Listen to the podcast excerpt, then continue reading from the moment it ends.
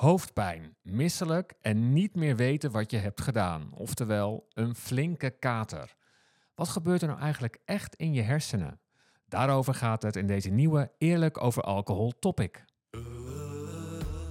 In deze topics wil ik jou informeren en inspireren over alles wat met stoppen met alcohol te maken heeft. Over alcoholisme, over verslaving en over gedragsverandering. Allemaal om jouw leven zo leuk en gelukkig mogelijk te maken. Want stoppen met alcohol op zich is niet zo moeilijk. Nuchter leven, dat is een stuk interessanter. Ik ben Koos en na mijn carrière als presentator van shownieuws bij SBS6 ben ik me gaan ontwikkelen tot counselor en alcoholvrij coach. Met mijn coaching en online trainingen op drankjeminder.nl wil ik jou helpen. Mijn missie? Het taboe rondom alcoholisme doorbreken en zoveel mogelijk mensen informeren over de impact van alcohol op je lichaam en je geest.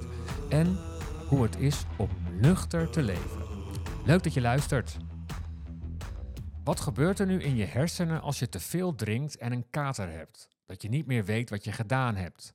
Hoe schadelijk is het als je al in je puberteit gaat drinken? Herstelt die schade? Ik praat daarover met de bekende hoogleraar neuropsychologie Erik Scherder. Hoe komt het nou?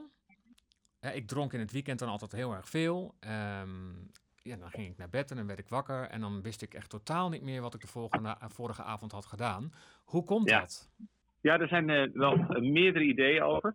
Uh, dus dat betekent al even dat er een eensluidig antwoord is best moeilijk te geven. Uh, een van de ideeën was over dat er misschien ook.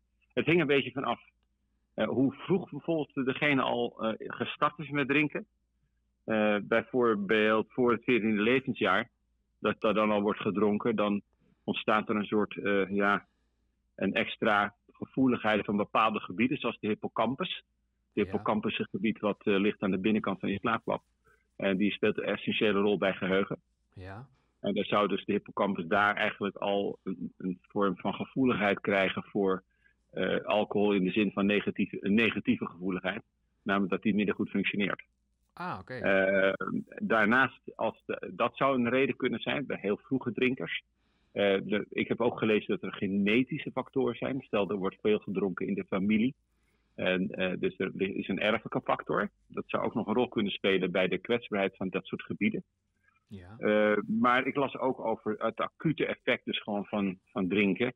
Waardoor die blackout ontstaat. En dan zie je eigenlijk dat niet alleen de hippocampus, maar ook andere gebieden zoals de frontale lob. En een deel, een, een gebied wat daarin ligt, is de ik weet niet of u al die gebieden wil weten, maar ik noem er nog één, is de anterior cingulate cortex, de ACC. Die is heel beroemd eigenlijk omdat die een grote rol speelt bij het onderdrukken van je impulsen. Ja. Uh, dus uh, ik, ik, combineer even die factoren. Je hebt een blackout, omdat je te veel drinkt. Maar dat te veel drinken kan weer komen dat je ook je impulsen niet goed controleert. Dat je niet voldoende kunt remmen op je gedrag. Ja. Dus je drinkt weer te veel. Uh, maar die ACC speelt ook een rol, die anterior cingulate cortex, ook een rol bij aandacht en dus bij cognitieve processen. Dus. En die frontale lob speelt ook een rol bij geheugen. Dus die ACC is een onderdeel van de frontale lob. En beide spelen een rol bij het onderdrukken van je impulsen. Nou, dat gaat dan niet zo goed, want je blijft maar weer, of je gaat maar weer het weekend er tegenaan, zal ik maar zeggen. Ja. Vervolgens zijn het ook gebieden die een rol spelen bij geheugen, samen met de hippocampus. Dus ja, als, het, als die structuren dus niet zo goed doen, dan voelt u wel aan dat daarmee de kans op een blackout uh, enorm groot wordt. Ja, want het zijn heel veel ingewikkelde namen hè, door elkaar. Ik begrijp nou, het, het, waren er drie, hè, dus we moeten niet altijd drijven. ja, hé, nee, zo snel ben ik niet van, de, van mijn padje te brengen, sorry. Kijk, ik, ik, drink niet, hè, dus ik hou me scherp. Hè, dus dat, ik ook niet meer, maar er gebeurt dus inderdaad van alles in je brein, waardoor uh, uh, gebeurtenissen dus niet meer worden geregistreerd. Nou ja, die gebeurtenissen niet, van dat moment. Hè, want ja. Uh, wat ik lees over die blackout is niet zo dat je, dat je de herinneringen van voor die tijd ook niet meer hebt. Dat is niet zo. Het is met name datgene wat er zich afspeelt tijdens dat drinken. Ja. Uh, dat je daarvan niet meer weet van, god, waar, waar was ik eigenlijk? En uh, wie heeft me thuis gebracht? En hoe ziek voelde ik me eigenlijk? En zo, dat ben je kwijt. En hoe gevaarlijk is dat? Ja, het is in die zin gevaarlijk, want ik denk wel eens van ja, ik had ook bijvoorbeeld in de gracht kunnen vallen of er had van alles met me kunnen gebeuren. Want ik had me denk ik mezelf niet meer echt onder controle. Maar hoe, hoe lichamelijk gevaarlijk is dat? als je kijkt naar ja, mensen die alsmaar veel te veel drinken, u weet, dan krijg je aandoeningen als Korsakoff. Ja. En dan, gaan er dus veel meer hersenstructuren gaan onderuit. Eh, denk ook aan de verbindingen, de witte stof. Dus het is zonde dat je juist in de jeugd, waarin die verbindingen doorgroeien, uh, zich ontwikkelen, dat je daarin met drinken, alcohol, dat je daarmee dus een, een, ja, toch een negatief effect uit op, dat, op die witte stof. Het antwoord op verklaar nou is die blackout, dat is eigenlijk makkelijk relatief goed te verklaren. Omdat als u al vroeg drinkt, zeg voor het veertiende jaar, dan zijn die structuren dus al wat kwetsbaar die een rol spelen bij geheugen. Ja. Ik herhaal ze even. Hippocampus. Ja. En dan de anterior cingulate cortex, dus één, één, ook één zeg maar, gebied. En frontaal. Nou, Ja. die hebben de drie. En die spelen een, wel een cruciale rol bij geheugen. Ja. Nou, alles dus wat gebeurt tijdens dat heftige drinken. Al die informatie. Kijk, die heeft tijd nodig om het te consolideren. Hè? Dus om van korte termijn, lange termijn geheugen te gaan. Dan weet het nog.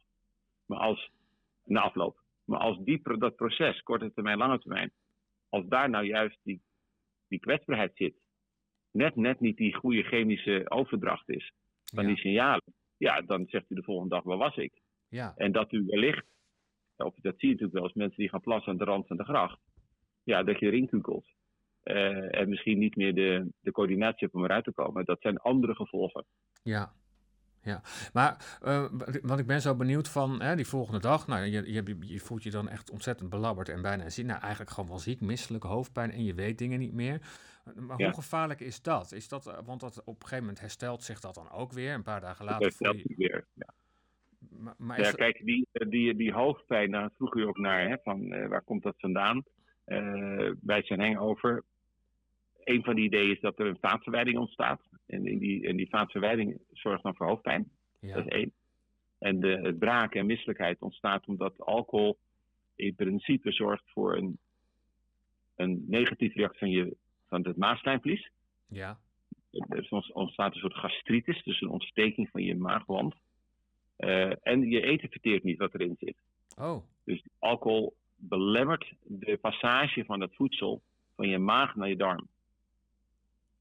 Oh, dat is misschien... En Is dat ook de reden dat je soms, soms moet overgeven als je te veel door elkaar... Ja, ja, dat, dat, dat vomiting, hè, dus eh, niet alleen dat je misselijk bent, maar dat je ook eh, echt moet overgeven. Dat komt daardoor omdat het voedsel niet verteert. Dus het is, dat, gaat niet, dat gaat niet weg. Ondertussen heb je een ontsteking van je maagzijmvlies of je een irritatie, kan je ook zeggen. Ja, Eh, en dan, ja, moet je het toch kwijt. Dus dat geeft dat enorme slechte gevoel.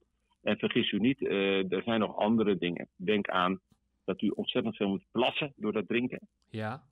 Oh dus ja, het, het hormoon wat, wat, eh, wat zorgt dat je de urine binnenhoudt, dat neemt enorm af. Dat plas je ook uit. Dus je plast zoveel dat je daarmee ook, eh, laat ik zeggen, belangrijke metabolieten, hè, dus eh, stofjes die u nodig heeft voor de stofwisseling, voor het metabolisme, die raakt u ook kwijt.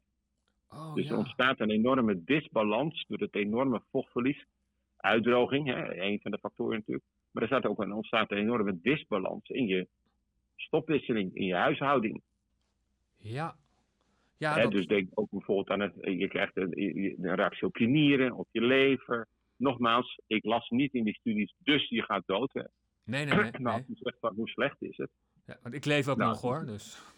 Ja, daarom. Ja. En, en, eh, en u maakt een zeer competente indruk, dus eh, ik maak me geen zorgen over. Nee. Maar, eh, nee. maar je ziet wel, als je het leest, dan merk je, dan lees je dus wel dat het niet niks is wat zich eh, daar afspeelt. Ja. Ja, en zo'n blackout, hè, eh, hè, ik begrijp nu hoe dat komt.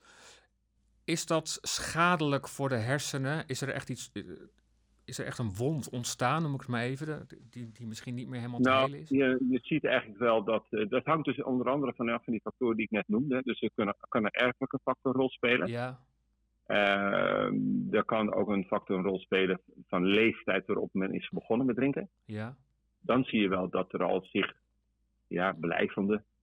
Het, eh, er is natuurlijk sprake van plasticiteit, trainbaarheid, herstel. ja. Maar nogmaals, je moet heel voorzichtig zijn om te zeggen van eh, daar houdt iemand zijn hele leven verder last van. Ja, ik lees ook veel over eh, hè, hoe jonger je begint met drinken, hoe gevaarlijker het is, of hoe groter de kans is dat je daar later eh, eh, problemen mee krijgt, en een drankprobleem eh, kan krijgen. Wat weet je daarvan? Nou ja, je zag in de studies die ik nu heb opgezocht, de meest recente, dat al hoe jonger je begint, zit daar dan die erfelijke factor in. Want als dan, hè, zij, zij zeggen dan, waarom begint iemand zo jong? Is dat dan al een verminderde controle op je impulsen, op je remming? Is dat dan al een teken dat je eigenlijk, ehm, ja, zeg maar, daar op dat gebied gewoon weinig controle hebt? dat zou al een teken kunnen zijn dat die hersenen op zich anders zijn aangelegd. Ja, ja, ja, ik denk dat voor heel veel mensen is het gewoon normaal dat als je een jaar of 15, 16 bent, dat je dan je eerste drankje krijgt. Ja, maar u begrijpt, er is natuurlijk verschil tussen je eerste drankje en ik stop met drie bier. Ja. Of eh, ik heb geen remming. En, en, dat is, en dat is natuurlijk het verschil tussen mensen. Ja. Dat kan een aanlegkwestie zijn, dus een, ook een erfelijke aanleg zijn. Ja. En ehm, ja, en dan zie je dat als die in erfelijkheid al die, of in aanleg zo'n systeem kwetsbaar is, dat dat mensen zijn die zich gewoon niet goed kunnen beheersen op dat gebied. En dan is de kans dat je doordringt, ook als je over de puberjaren heen komt of als je wat ouder wordt, uh, dat dan dat systeem zich misschien ja, niet herstelt. Dat was in aanleg ook al niet zo sterk, zo moet ik het eigenlijk zeggen. Ja. Maakt u zich zorgen om het alcoholgebruik van de Nederlanders? Nou, ik maak me zorgen om heel veel gezondheidsvraagstukken van de Nederlanders in, in het algemeen, overigens buiten Nederland ook. Ja. En uh, als je kijkt naar overgewicht en inactiviteit en, en, en alcohol en roken en, enzovoorts. Dat is dus het punt waar we het over hadden. Ja. Uh, waar zit de toch? Ja, ik ben blij dat ik, ik... Ik heb echt aan de handrem getrokken. Daar ben ik eigenlijk nog wel blij om. Als ik dit zo hoor ja. ook weer. Ja, ja u, u, had gelukkig een handrem. Dat ja. was mooi. ja, ik, was ja. Al, ik, ik, had hem wel een paar jaartjes eerder kunnen vinden trouwens, die handrem. ja. Dat zal. Maar u heeft hem gevonden. Dat is op zich al fantastisch. Ja. Erik Scherder, dankjewel voor je... Ik zeg dan toch, toch maar even je. Uh, uh, ja, voor zeker. je duidelijke uitleg. En ik vond het een eer okay. dat, dat je tijd voor me had. Ondanks al die hersengebieden, hè? Fijne dag, Laat mijn studenten niet horen, hoor. Laat mijn studenten niet horen. Die denken drie hersengebieden veel. Nou, echt niet.